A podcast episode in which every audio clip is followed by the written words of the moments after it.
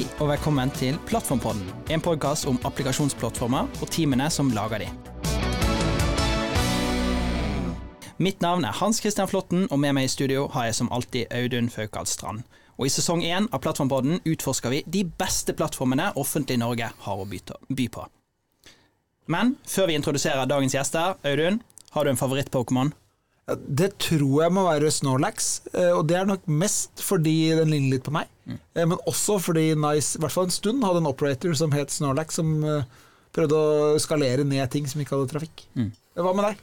Du, Jeg kan jo bare disse 180 første. Det var, det var da jeg levde. Uh, Ivy syns jeg er litt kul. Bare Du gir den en stein, og så kan den bli til masse forskjellige. Og så med de nyeste si, sesongene så kan den bli til enda mer. Så det er veldig kult. Jeg har liksom alle muligheter foran deg. Um, men i dag skal vi ikke snakke så mye om eh, Pokémon her. I dag har vi med oss Mats Bø Bergman og Morten Linderud fra NRK. Og NRK topper omdømmestatistikken år etter år, og NRK nett-TV ble nylig kåret til den aller mest populære strømmetjenesten i Norge, og banker alle de internasjonale leverandørene. Selv har jeg tre barn som sluker innhold fra NRK rått, enten det er Snøfall, om i advent, eller Fantorangen eller FlippKlipp, så da er det ekstra gøy å ha dere med i studio i dag. Mats, som er en av dere som har jobbet lengst i NRK, kan ikke du begynne å fortelle oss litt om din bakgrunn og rolle i NRK? Eh, ja, eh, jeg begynte i NRK i 2013. Eh, før det så jobba jeg i et annet firma som lærling, egentlig, så jeg har fagbrev. Det er min bakgrunn. IT. Jeg ble vel ansatt i NRK som databaseadministrator i utgangspunktet. Jobba med det i noen år, og så ble det mer over på drifts, generell applikasjonsdrift. da. Mm. Veldig spennende, og det, skal vi dykke mer ned i. Men før det, Morten. Du har ikke jobbet fullt så lenge i NRK, og har en litt annen bakgrunn enn eh, Mats. Ja. Eh, fortell om litt om hvordan du endte opp i NRK. Ja, uh, så jeg, eller Bakgrunnen min er jo hovedsakelig en mastergrad for Universitetet i Bergen, og jobba som utvikler uh, i et par år. Litt drift, litt DevOps og sånne ting. Drevet mye med open source, uh, Linux-distribusjoner i ti år ish, og sånne ting. Uh, og NRK er liksom Jeg kjente det er folk som jobba der, og var ute etter noe som var litt større og sosialt og trivelig og sånt, da. Med, samtidig som at jeg er litt idealist, så jeg syns jo at å jobbe hos NRK på en måte, og drive med dems Samfunnsoppdrag? Samfunnsoppdrag, ja. Yes. Det er sitter i veggene her i Nav, det å si samfunnsoppdrag. Ja, ja. Samfunnsoppdrag er ve veldig, veldig, spennende og kult, da, og det er jo motivasjon i seg selv å jobbe. Da. Så jeg begynte der uh, august uh, i fjor, uh, så jobba der ikke seks måneder, er det ikke det? Jeg husker. Ish. Ja. men, men, litt Linux-distro er vel at det er vel en underdrivelse, her, for du er jo maintainer for Arch Linux, er du ikke det? Uh, jo uh, Ja, nei, så jeg jobba med det i Begynte med det i 2016-ish, så ja, snart, snart kanskje åtte-ni år. Og gjort med det som hobby. Ja, stemmer det. Mm. Men nå er det Linux-året, ikke sant? 2024 er året Linux kommer til å ta over. Med tanke på hvor mange uh, spill du kan spille på Linux om dagen, så er det vel det. Stemmer jo det snart. Ja. Steamdeck solgte million devices, er det ikke det? Ja. Det kommer til å skje. Ja, Men uh, hvordan er plattformlandskapet i NRK? Ja, eh, vi har vel egentlig mange plattformer, eh, sånn sett. Eh, for vi har jo flere forskjellige hva skal jeg si, mm, arbeidsområder, kanskje. Mm. Eh, radio og TV og web og, og, også de områdene hvor det på en måte sveises litt sammen. Hvor ting, eller smelter sammen. Ja. Eh, så vi har jo eh, ganske mange forskjellige plattformer, ja. Mm Men dere jobber i nett? Ja, primært mot det som er nett, ja. Eller webapplikasjoner. Ja. Og da er det altså NRK.no, men omfavner det også eh, nett-TV og nettradio, eller er det egne hva si, team igjen? Ja. Det er, eller det er egne team, ja. men vi legger til rette for plattformen i bunnen som de teamene også bruker. Da. Riktig. Uh, blant annet Kubernetes og ja, mm. moduler i Terraform. Uh, GitHub Actions, uh, ja, masse mm. forskjellige mm. småkomponenter som de tar i bruk. Da. Riktig. Jeg ser jo for meg, og jeg har jo litt Jeg jobbet med NRK tilbake igjen i, i liksom min første jobb med i Turistforeningen og laget ut.no sammen med et team fra NRK. Uh, og, og det liksom Hva skal jeg si? Det sier jo litt om bredden i NRK. Det er veldig mye forskjellig. Eh, veldig mye som er på nett. Så det, det er jo ikke eh, kan, du, kan jeg gå litt inn i det? Hvordan er det å ha så mange forskjellige team, og, og kan si, kanskje eh, Er det noen utfordringer rundt det? Det var veldig store utfordringer til det. Eh, Det var vel en av grunnene til at vi gikk over i den plattformtype mentaliteten. da, eh, Og mer over på devops-kulturen og den type ting. Nå er det noen år tilbake at vi skifta fokus over på det. Men når jeg begynte i NRK, så var det sånn tradisjonell eh, driftstype eh, struktur, hvor driftsavdelingen fikk overlevert en applikasjon, og så skulle det settes i produksjon av oss. Mm. Og utviklerne slapp på en måte litt Nå er det ikke vårt ansvar lenger, nå er det deres. uh, og det funka jo greit fram til det tidspunktet, men så når web begynte å bli veldig populært, og det ble veldig mye applikasjoner som skulle utvikles i mange forskjellige språk, så skalerte ikke det i det hele tatt lenger. Så da måtte vi tenke nytt. Men den plattformen som dere kjenner best, da kan dere ikke si litt om hvordan den ser ut? Hva er liksom stacken? Og Stacken kort fortalt er jo eh, Kubernetes, som vi bruker som kjøretidsmiljø. Spinner opp eh, containere eh, egentlig akkurat som de vil, med akkurat hva de vil inni også, for så vidt. Eh, og så har vi da støttesystemet rundt det, eh, sånn CERT Manager, og vi har et oppsett som gjør at for automatiske TLS-sertifikater. Eh, vi bruker også Ingress Nginx, så vi får automatiske ingresser på det som skal ut på internett. Mm. Og så bruker vi eh, mye Terraform.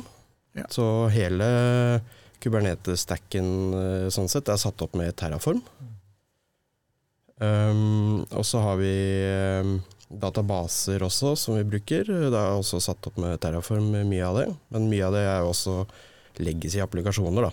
Ja. Så de også har jo sine egne databaser som har på en måte levd sitt liv for seg sjøl eh, fram til nå. er det sky eller on-prem?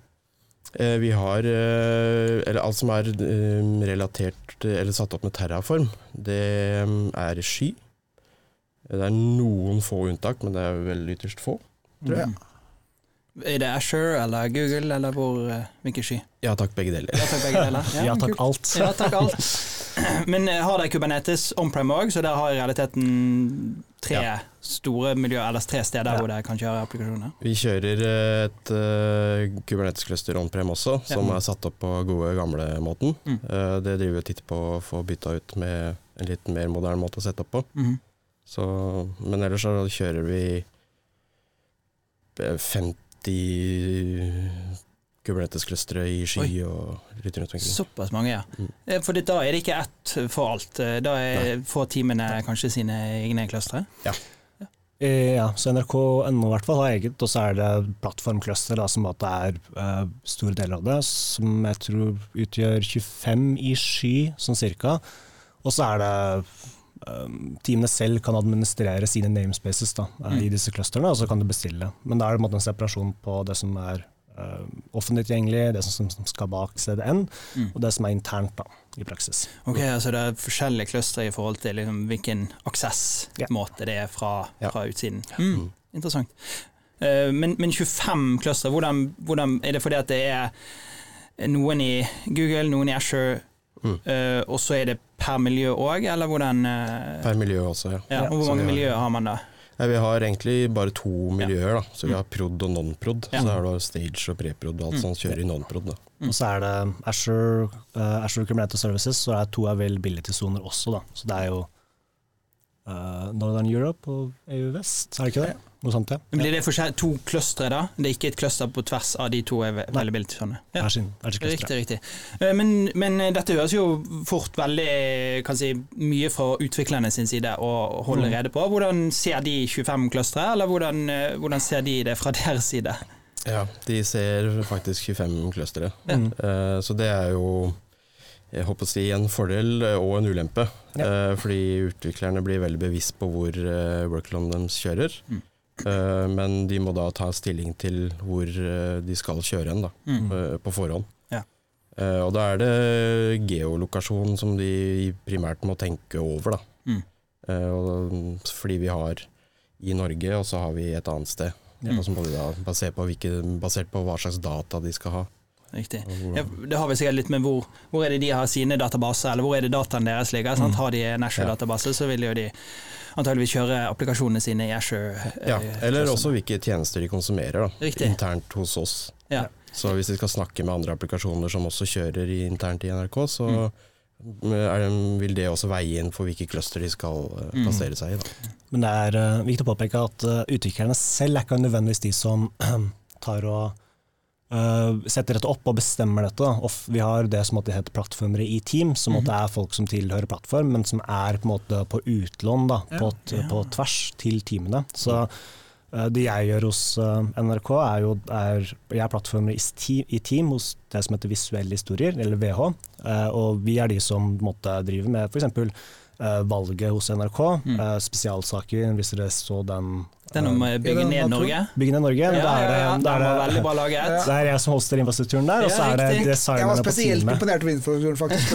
ja, ja, jeg tenkte det var inne i skålet av den Så er det journalister som skriver saken, og så er det på en måte folk fra teamet mitt som måtte designe saken, den måte UX-en, opplevelsen og hvordan ting skal se ut, i samsvar med journalistene. Og så er det jeg som sørger for at det her blir statisk hosta på CDN-leverandør, da, i praksis. men du sier eh, design òg, så du jobber i et team som har også designere, altså visuelle designere? Ja, UX, spennende. UX brukeropplevelse og så utviklere og sånne ting. Da. Så um, da har vi gjort alt fra å designe Excel-artikler, som Ja. den naturdød-saken dere så, men også folk som f.eks. til valget nå eh, i fjor drev med prognose, Mm. eh, som funka veldig bra. Og så uh, måtte API-leveransen da, fra Valgdirektoratet eh, inn til oss, og Mm. kverne ut den dataen, da, eh, både for framstilling på eh, TV og framstilling på nett. Men hvordan sikrer du som plattformer i team at du liksom har nok kunnskap om plattformen, hvis du bruker mesteparten av det i team? Uh, det, så, sånn det på en måte funker, er jo at jeg må jo lære meg ting uh, gående. Men jeg, i mitt tilfelle var det heller for jeg, jeg har jo da overtatt et eksisterende oppsett, og så måtte jeg bare vedlikeholde og sørge for at det fungerer på uh, det de måte, systemene som plattform da, i seg selv har bestemt skal fungere. Og så på en måte, kan jeg gå tilbake til plattform, høre hvordan jeg har dette problemet, hvordan jeg skal løse det på god måte, og så Mm. går jeg og implementerer det i mitt team. Da. Så vi er på en måte jeg tror plattformen hos NRK i seg selv er 50 mennesker. Ja. Um, og så er vel en ok, De ikke telt over det, men jeg tror 5, 6, 7, 8, 9, 10 eh, personer da, som er plattformer i team, da, som er Ja. på utlån i de forskjellige Riktig, riktig, teamene. riktig. Og det er folk som jobber fra Maskorama og driver med voteringsløsninga der, da, til folk som er som driver med deployment-løpet på det teamet. Jeg tror det første som har eh, liksom, den, dette oppsettet er veldig Vi kaller, det matri eh, kaller vi det matriseorganisering?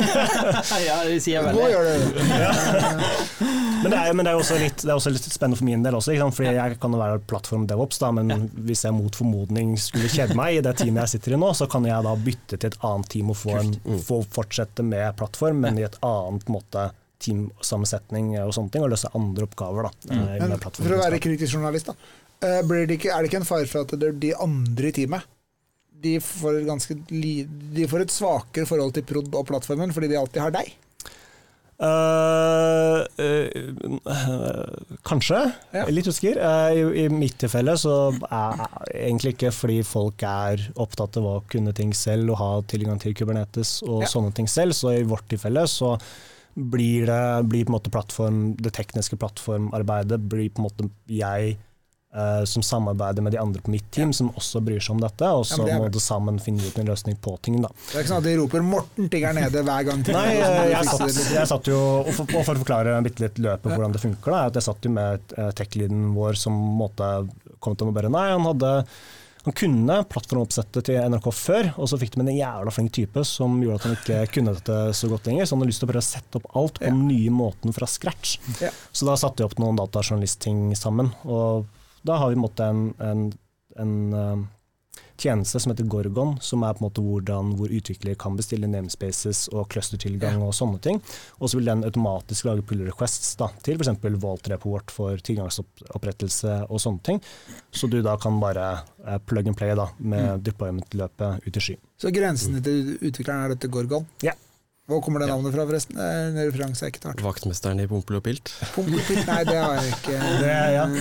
Så det var vel et sommerprosjekt som, eh, som ble utvikla, og så satte det prod, og det som måtte bli brukt nå, og så vedlikeholdt det team som heter bruker, bruker utvikleropplevelse. Utvikleropplevelse, som jeg jobber i. Yes. Men, men da er, du, er det en app, eller er det et Git-repo, eller hva er liksom grensesnittet som Det er en uh, eh, Go-applikasjon som Ja. kjører uh, som er et API. Og så har vi en frontend som snakker med det API-et, som da utviklerne går mot. da. Ja, hva er det de får fra Gorgon? Fra Gorgon så kan du opprette et namespace og sette Ja. deg selv som eh, eier av det namespacet, eller tilegne andre. Hvis Ja. du allerede har eierskap til namespacet, så kan du sette andre til å også være eiere. Eh, Du kan eh, opprette eh, persistent volumes, ja. sånn type ting. da. Alle de Mm. tingene som i utgangspunktet krever en clusteradmin-rolle, Ja. kan du gjøre via Gorgon uten å egentlig ha være clusteradmin på Og da blir det egentlig YAML ligget bak det. Ja, mm. så den lager en pull request da, til det repoet eh, hvor eh, applikasjonen lever. Eh, og så kan utviklerne selv se på hvordan dette blir uh, utforma, og så kan de godkjenne det mm, når de har mulighet. Da. Og hvordan kommer du fra repo til clusteret? Flux, Argo, Nei, hjemme. det er uh, vanlig deploy, holdt jeg på å si. Så, mm, Om, de, om de kjører Qset eller Apply lokalt på sin maskin, eller om det er uh, GitHub Actions, eller om de bruker Argo eller Flux, Ja, det er litt opp til dem. det er litt opp til Ja. dem. Mm. Mm. Men det er det som er det, De kan bruke Flux, de kan bruke Argo, de kan bruke GitHub Actions, så det er ganske mange muligheter. Du, Så team- hvert team måte velger dette selv da, i Ja. praksis. Og så er det støtta opp under med at uh, plattform måte tilbyr en del template-repoer som de Mm. kan dra nytte av hvis de Mm. har lyst til det. da. Mm. Vi defaulter til GitHub Actions. da. Det er på en måte det vi anbefaler til de fleste, og det har vi lagd en del workflows og actions til. Eh, og så kan de velge selv da, om de vil dra nytte av det, eller om de vil bruke noe annet. Men, men si at et, det er et nytt team da, eh, som skal på luften, eller opp og gå. Hvordan, eh, hvor er de begynner da for å komme i gang?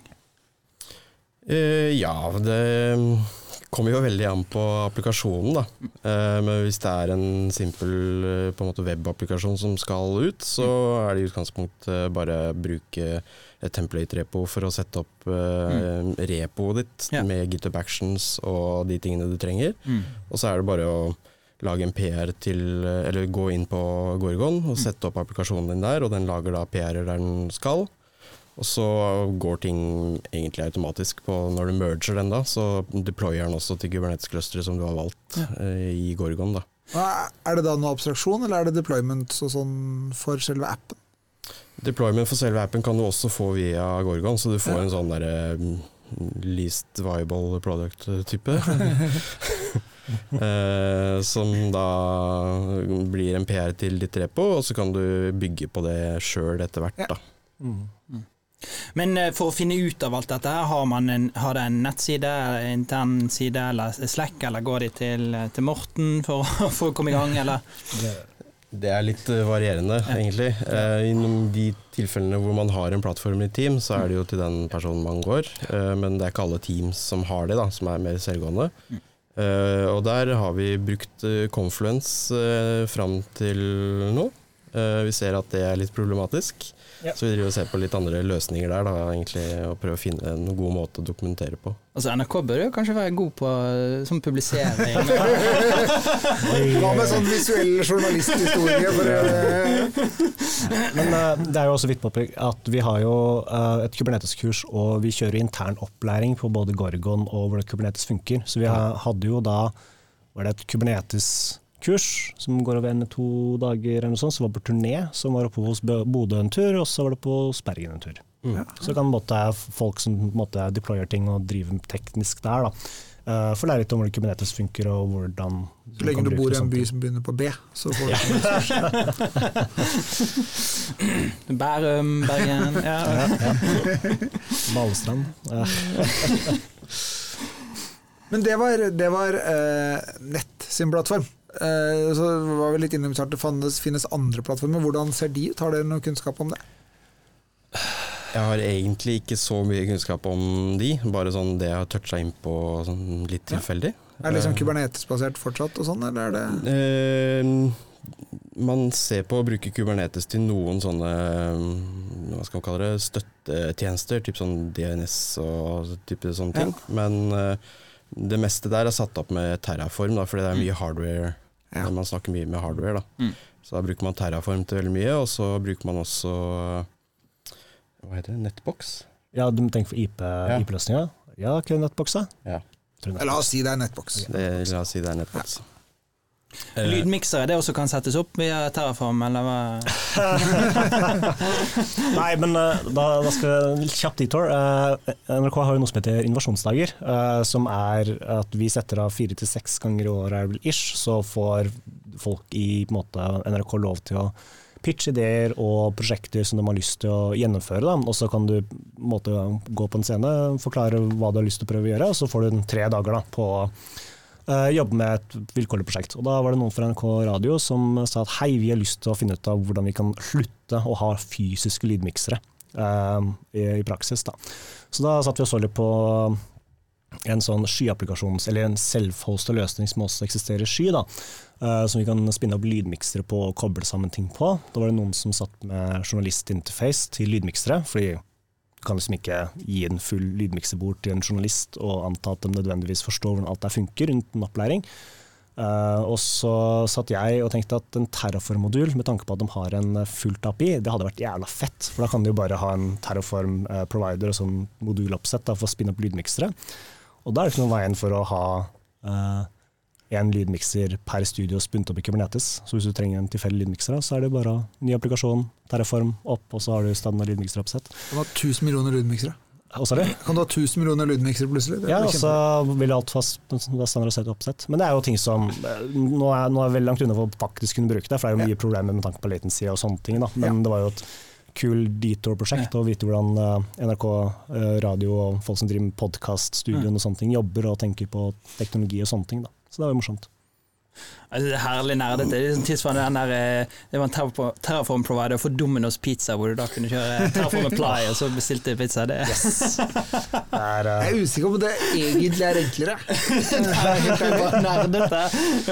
State, men eh, i en pizza, da, hvis det er en state hva, Må du kjøre Destroy, eller har du da en, en sånn evigvarende sånn state som bare vokser per pizza du bestiller? Det er noen helt nye, nye utfordringer der. Ja.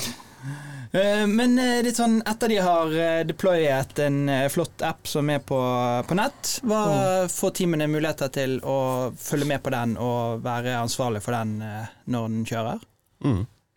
Eh, vi har jo satt opp litt eh, logging og metrikker og sånt i Kubernetes-clusterne. Mm. Eh, og mye av det sendes bare videre til en data source hvor vi aggregerer alt sammen. Og den er tilgjengelig i Grafana. Mm.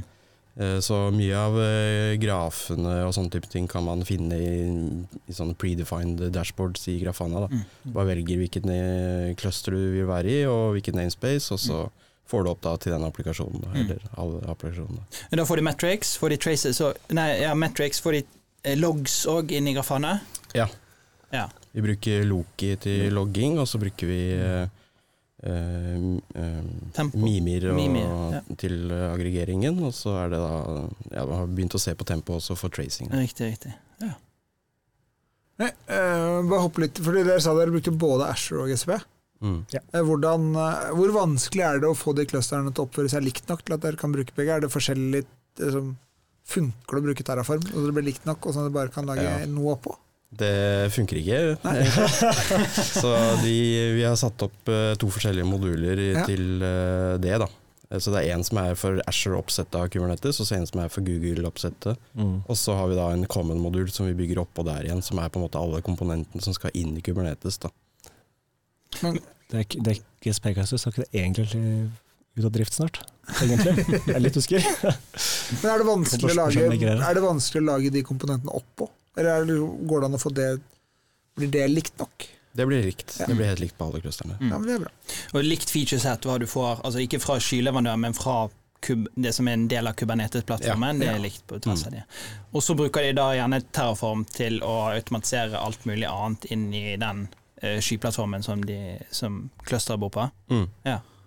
Da setter de opp Har de noen sånn ferdige pipelines eller moduler, Terraform-moduler som teamene kommer i gang, eller er det liksom starte med um, nei. Grunnen til det er fordi mange av de som har tatt i bruk Terraform for å konfigurere Kubernetes, eh, Mm. ikke egentlig Eller de gjorde det før vi på en måte tenkte på at vi skulle gjøre det. Eh, så de har bare kjørt sitt eget løp, og det var egentlig bare de to teamene som hadde lyst til å gjøre det på den måten. Så da har de på en måte bare gjort det sånn som de pleier, da. Ja. Men de bygger jo på hverandre, da. Riktig. Så de har jo eh, erfaringsutveksling seg imellom, sånn Ja. sett. Men hvis du har en app i plattformteamet sin Kubernetes, og så ønsker du å ha dat noen databaser eller noen buckets eller andre ting, altså får de det gjennom Kubernetes, eller setter de opp noe Terraform for, på siden av? Nei, det settes opp med Terraform på siden. Mm. Ja. Vi prøvde oss litt grann med sånn Postgres operator på Kubernetes, Mm. Men uh, overheaden på vedlikeholdet der ble litt for stor Mm. uh, for vårt uh, plattformteam på den tiden. da. Mm. Så vi gikk bort ifra den operator-type tankegangen, uh, egentlig. Alternativet ville vært type crossplane, hvor du da får Ja. disse CD-ene i Kubernetes, og så Mm. kan du provisjonere ressurser inn i det. Ble det vurdert, eller? Nei. Men eh, det er noe som vi håper å si revisiter hele tiden, da. Mm. Eh, sånn type ting. Mm. så vi har sett på også Argo og sånne type ting også for å sette opp ressurser i Kubernetes. da.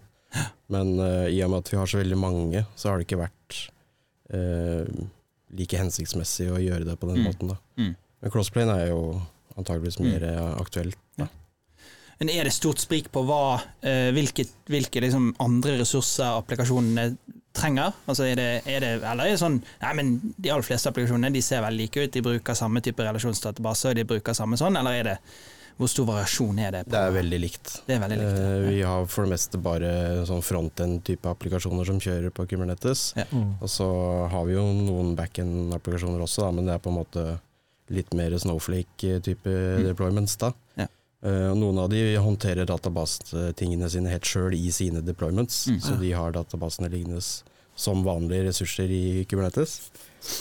Uh, og så er det da noen som da trenger mer uh, gufs, som da kjører på utsiden av Kubernetes i sine egne databaser. Da. Men uh, hva kjører foran NRK.no, da? Det er vel antageligvis noe caching, og så kanskje har man mulighet til å kjøre applikasjoner som kanskje ikke kjører Eller frontend-applikasjoner som kanskje ikke kjører inn i Kubernetes òg, eller? Um, så NRK.no er jo i praksis altså NRK.no-opplegget er jo, måtte forsida er jo Mm. en komplisert beist i seg selv. Uh, men i praksis, det du ser på når du treffer NRK.no, så treffer du først et Akamai-lag, Mm. og så går du til en CMS-publiseringsløsning. Og uh, mye av uh, magien der er jo på en måte cloudlets og redirects og eller måte lenker rundt til andre ressurser med Akamai da, i Mm. praksis. Så du får på en måte en helhetlig uh, inntrykk da, når du besøker NRK.no, men uh, mye av det du på en måte besøker når du måtte trykke rundt, er jo av og til forskjellige applikasjoner som går forskjellige steder, og av og til treffer forskjellige Akamai uh, properties osv. Så, Mm. så det er jo en, helhetlig, veldig sånn komplisert greie. Men Mm. Er det Akamai for streaming og sånn nå, eller? Der har vi flere leverandører. ja, Ja, for der er det vel ganske mye greier som skjer. Det er ganske mye behov og krav og data Ja. som Mm. Jeg kan ikke det løpet, men det var vel kanskje Varnish før. Jeg tror ikke det Varnish-opplegget er eksisterer den dag i dag på akkurat streamingopplegget, men mye av dette går jo bare rett til på en måte øh, streamingleverandøren i seg selv. Da. Oh, ja. Um, så vi, vi, vi selv er ikke de som når du går på NRK TV, så er det ikke vi som hoster CD-en som hvor du ser på strømmene, tror Mm. jeg. Nei. Uten at jeg nødvendigvis har sett så mye på det. Men på sikkerhetssiden, da? Har det verktøy rundt, eh, som, rundt applikasjonssikkerhet som dere tilbyr teamene, som en del av utvikleropplevelse? Mm. Um, mye av dette er jo på en måte GitHub, templates, repo-oppsetten, hvor du får på en måte standardisert sånn, CV-skanning med det, Traviscan er det. Uh, Traviscans uh, og sånne ting. Og så er det samme også opplegg på Terraform også, da. Så du måtte få et måte, Traviscan-oppsett for applikasjonene dine på det Travi støtter, og så kan du bruke det. da. Uh, hvordan dette ageres på, er selvfølgelig opp til litt på teamene selv uh, per i dag. Uh, og så har vi begynt å diskutere litt mer en sånn DevSec, OPS, uh, uh, læring på tvers da, Mm. uh, i plattform, for å spre litt mer kunnskap på det. Mm. Jeg tror jeg har sett at det har vært noen sånn Security Champions-meetup i regi av NRK òg. Yes, Ja. Det stemmer. Mm. Um, Jeg kaller det sikkerhetsmann i team. tipper jeg. ja. Nei, altså det, er, det er noe Security Champions-opplegg eh, som er ute og går. Eh, vi har ikke det på mitt team, så er jeg da også litt usikker på hvordan det står her på andre team. Um, men eh, hvor mange team og applikasjoner eh, kjører det på plattformen i dag? Eh, så vi, vi, vi samla jo litt statistikker på, på, på måte skalaen hos NRK da, i praksis. Så det vi fant ut var uh, vi, eller vi er litt usikre på forskjellen på team og applikasjoner. For det er ikke noe veldig tydelig skille internt da, på hva som er et, et team og deres applikasjon, og hvor mange applikasjoner som går til ett team. Teamet mitt har 300 eh, applikasjoner som kjører på Kubernetes, eh, og det er ikke 300 team. Så det er veldig sånn forskjellig, det er veldig vanskelig måte, å si litt måte, eh, hvor mange team og hvor mange applikasjoner vi eventuelt har. Da. Men for å ramse litt statistikker fant for moro skyld, er at vi har over 1000 deployments på Kubernetes på tvers. Uh, vi har 600-700 image pushes til Docker er det daglig, Mm. fant vi ut. Eh, og, det utgjør, og det er viktig å påpeke at det er ikke alle som bruker akkurat den registry-oppsettet til interns NRK. Men det gjør jo at vi har et eh, 6,6 terabyte med Docker images eh, som lagres og distribueres. Eh, og da er det 4000 repositories på det registry, fant vi ut. Yes. Og så har vi og dette på tvers av 3000 GitHub-repoer som eh, ligger på GitHub. Mm. Er det noe open source i de repoene? Det er noe som open source, men vi kunne gjerne vært bedre på open source-ting. da. Uh, men Bare vi gå inn og så bytte fra private til kan. Uh, uh, men da må du også kunne lisensiere det, da. Men MIT. vi har vi har, vi har Terraform, vi har jo noen oppstartsprosjekter som Terraform Registry da, for å pushe Terraform Images, uh, har løsning på det. Og så har vi litt spennende prosjekter sånn som Sofie, som er live videoredigeringsverktøy, da, eh, som blir brukt hos NRK og andre steder, for på en måte å kunne drive live-redigering av sendinger. Da. Så det er jo Ja, det er vel uh, scheduleren scheduler. til ja. eh, TV. Så det er den som Hele schedulen, eller hele sendeløpet for eh, det programmet som skal lages, legges inn i Mm. Sofie, og så er det den som eksekverer. da. Ja. Så kamerarobotene f.eks., når de skal zoome inn og kjøre bort og se på en spesifikk person, så er det Ja.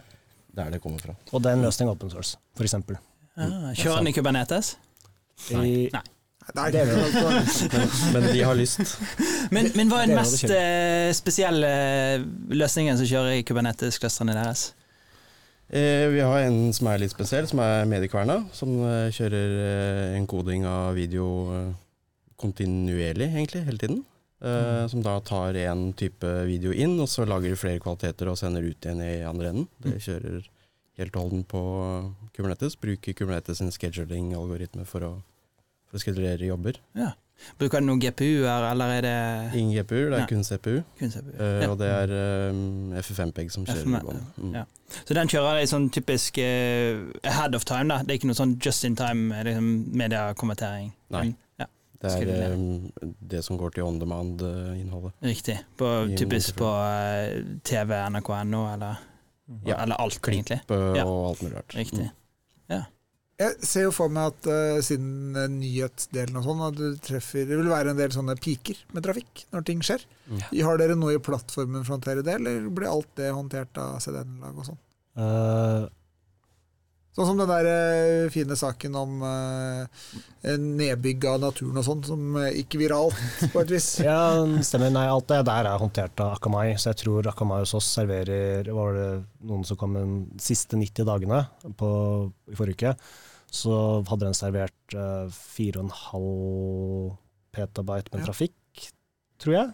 Mm. Den grafikken viste. Eh, så mye av det er jo håndtert i praksis på, på caching. Det er jo flere lag av caching her også, da, så CMS-biten casher litt, og så er det Akamai front og sånne ting. Så internt hos oss så er det i praksis ingenting som uh, som på en måte må skaleres opp for dette her. Da. Eh, akkurat den Naturdød-artikkelen også er jo da også uh, hostet som en statisk javascript-applikasjon. Så det er ikke noe Kubernetes der som egentlig kjører. Fordi det er måte skrevet noen sveltegreier og en, er en single page-app eller noe sånt, og så kan den måte bare gå rett ut.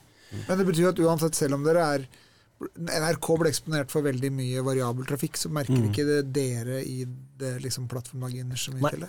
Nei. Så hos oss er det jo hovedsakelig bare å uh, finne hva er det som er single point of failure. Uh, F.eks. under valget så er jo for der er spørsmålet Vi må jo sørge for at uh, databasen i bakhånd ikke eh, får for mye, eller måtte, ikke får spikes i CPU og sånne ting. da. Det blir jo selvfølgelig skalert opp, da, men det er viktig å sørge for at, måte, at eh, folk ikke kan finne eh, måter å komme seg forbi cashing, hvor du på en måte kan sende vilkårlige forespørsler inn. Mm.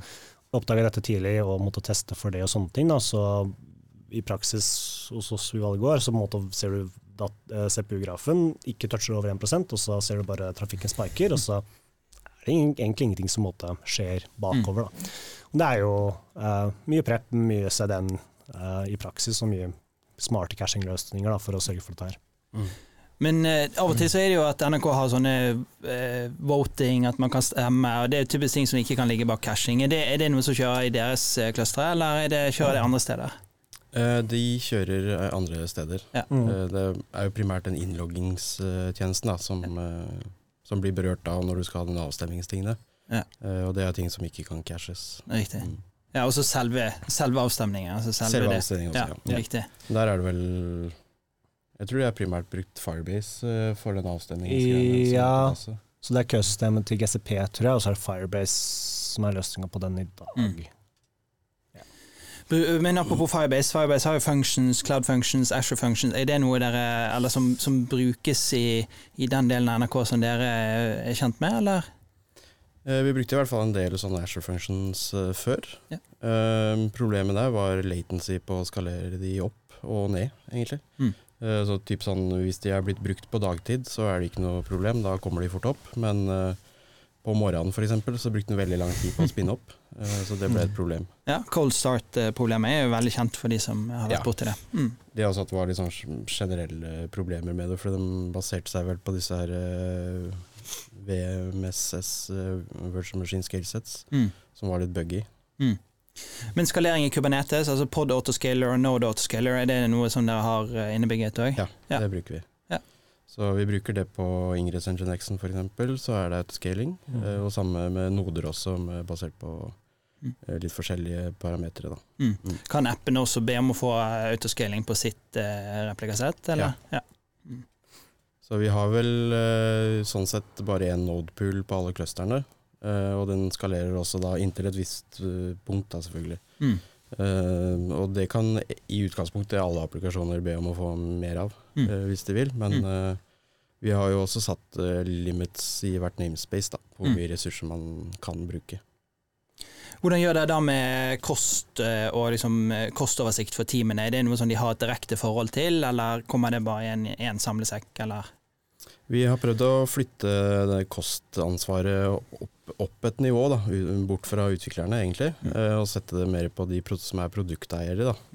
Uh, og det er en rutine som vi driver og prøver å uh, strømlinjeforme nå. Mm. Uh, for det har ikke vært så mye av før. Det har liksom bare alt vært få det ut i ski, på en måte.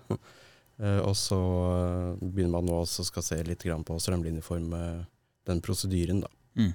Mm. Har dere noen sånn type utviklerportal hvor du kan komme inn og se her er mine applikasjoner, 300 applikasjoner i teamet mitt, eller eh, er det liksom at de må inn i KubZL og, og finne ja, de må inn i KubZL, ja. Ja. Riktig.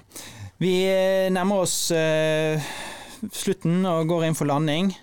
Og da har vi et spørsmål som vi alltid pleier å stille gjestene våre. Og det er jo det at vi lærer enormt mye når ting ikke går helt etter planen. Kan ikke dere fortelle om en sånn hendelse, og litt om hva lærte dere av det? Ja, eh, vi har mange eksempler av det. det er stadig vekk at ting ikke går som planlagt. Eh, helt i begynnelsen, da vi begynte med Terraform og Kubernetes, så var det jo eh, en bratt læringskurve, kan man si. Eh, og da var det tre anledninger at vi klarte å slette clusterne våre. Ja. Det var veldig gøy. å kjøre kjører Terraform Apply, og så sier han 'replacing resources', og så tenker du at alt ser fint ut fordi det var 190 ressurser han skulle gjøre noe med. Så tenker du det var greit, og så Det var litt gøy å kunne gjøre det liksom første gangen. Så var det liksom ja, det er failure kaffe til deg og sånn, men tredje gangen er det kanskje litt vanskeligere å holde entusiasmen oppe på at her skal vi lære av våre feil. Det stemmer. Da fikk vi det vi kaller for Chaos Monkey Club. Eh, hvor alle som klarte å gjøre en sånn blunder, fikk eh, bli med. Han, han som fiksa mått satt hos tannlegen på, mens han fiksa det, gjorde han ikke det? Jo, det stemmer. Det var jo, ja, det var jo, fordelen med Terraform er at det kommer fort opp igjen. Da. Ja. Så, Det er sant. Men eh, har dere da noe sånn type post mortem eh, som dere følger eller jobber etter når ting Mm. går galt? Og eh, fortell litt om akkurat hvordan det er implementert i NRK? Ja, vi bruker jo egentlig den, eh, er det ikke Google som kommer med den, den blameless post mortem-prosedyren. Eh, Det bruker vi også i, NRK. Det Mm. fungerer veldig bra. Mm. Eh, Hvor vi går igjennom hva som gikk feil og hva vi kan gjøre for å fikse det til neste gang. Og så, Mm. så, mm. Er det andre team i NRK som også bruker det, eller er det mest i, i plattformteamet? Eh, Det instansieres egentlig fra, fra Bifrost, som er på en måte overvåkingssentralen i NRK. Mm. Eh, Så de på en måte eh, får inn alle feil, og så er det de som også maser på de som har hatt feilen om å ha en postmortem i ettertid. Mm. Nei, det er kjempespennende, og det er mye her vi kunne ha dykket ned i, men vi må nesten runde av. Og da lurer på, er det noe dere vil eh, si før vi, før vi avslutter? Vi kan jo begynne med deg, Morten. Uh, nei, plattform er spennende. Uh, variert arbeidsoppgaver.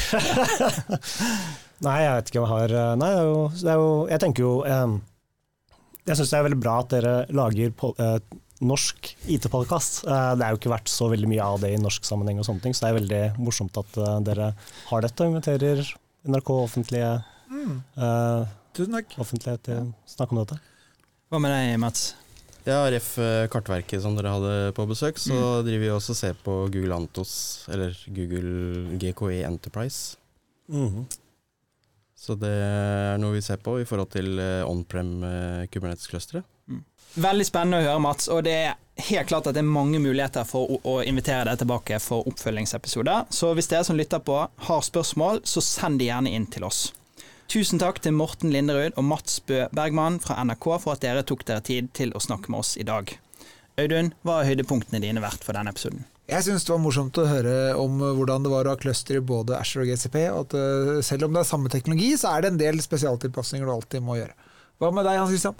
Jeg har alltid vært en leser av NRK.no, så det å få mer innsikt i hvordan plattformen og hva som skal til for å hoste den nettavisen, og alle de spennende seriene på NRK, det er veldig gøy å høre. Så det var mine høydepunkt.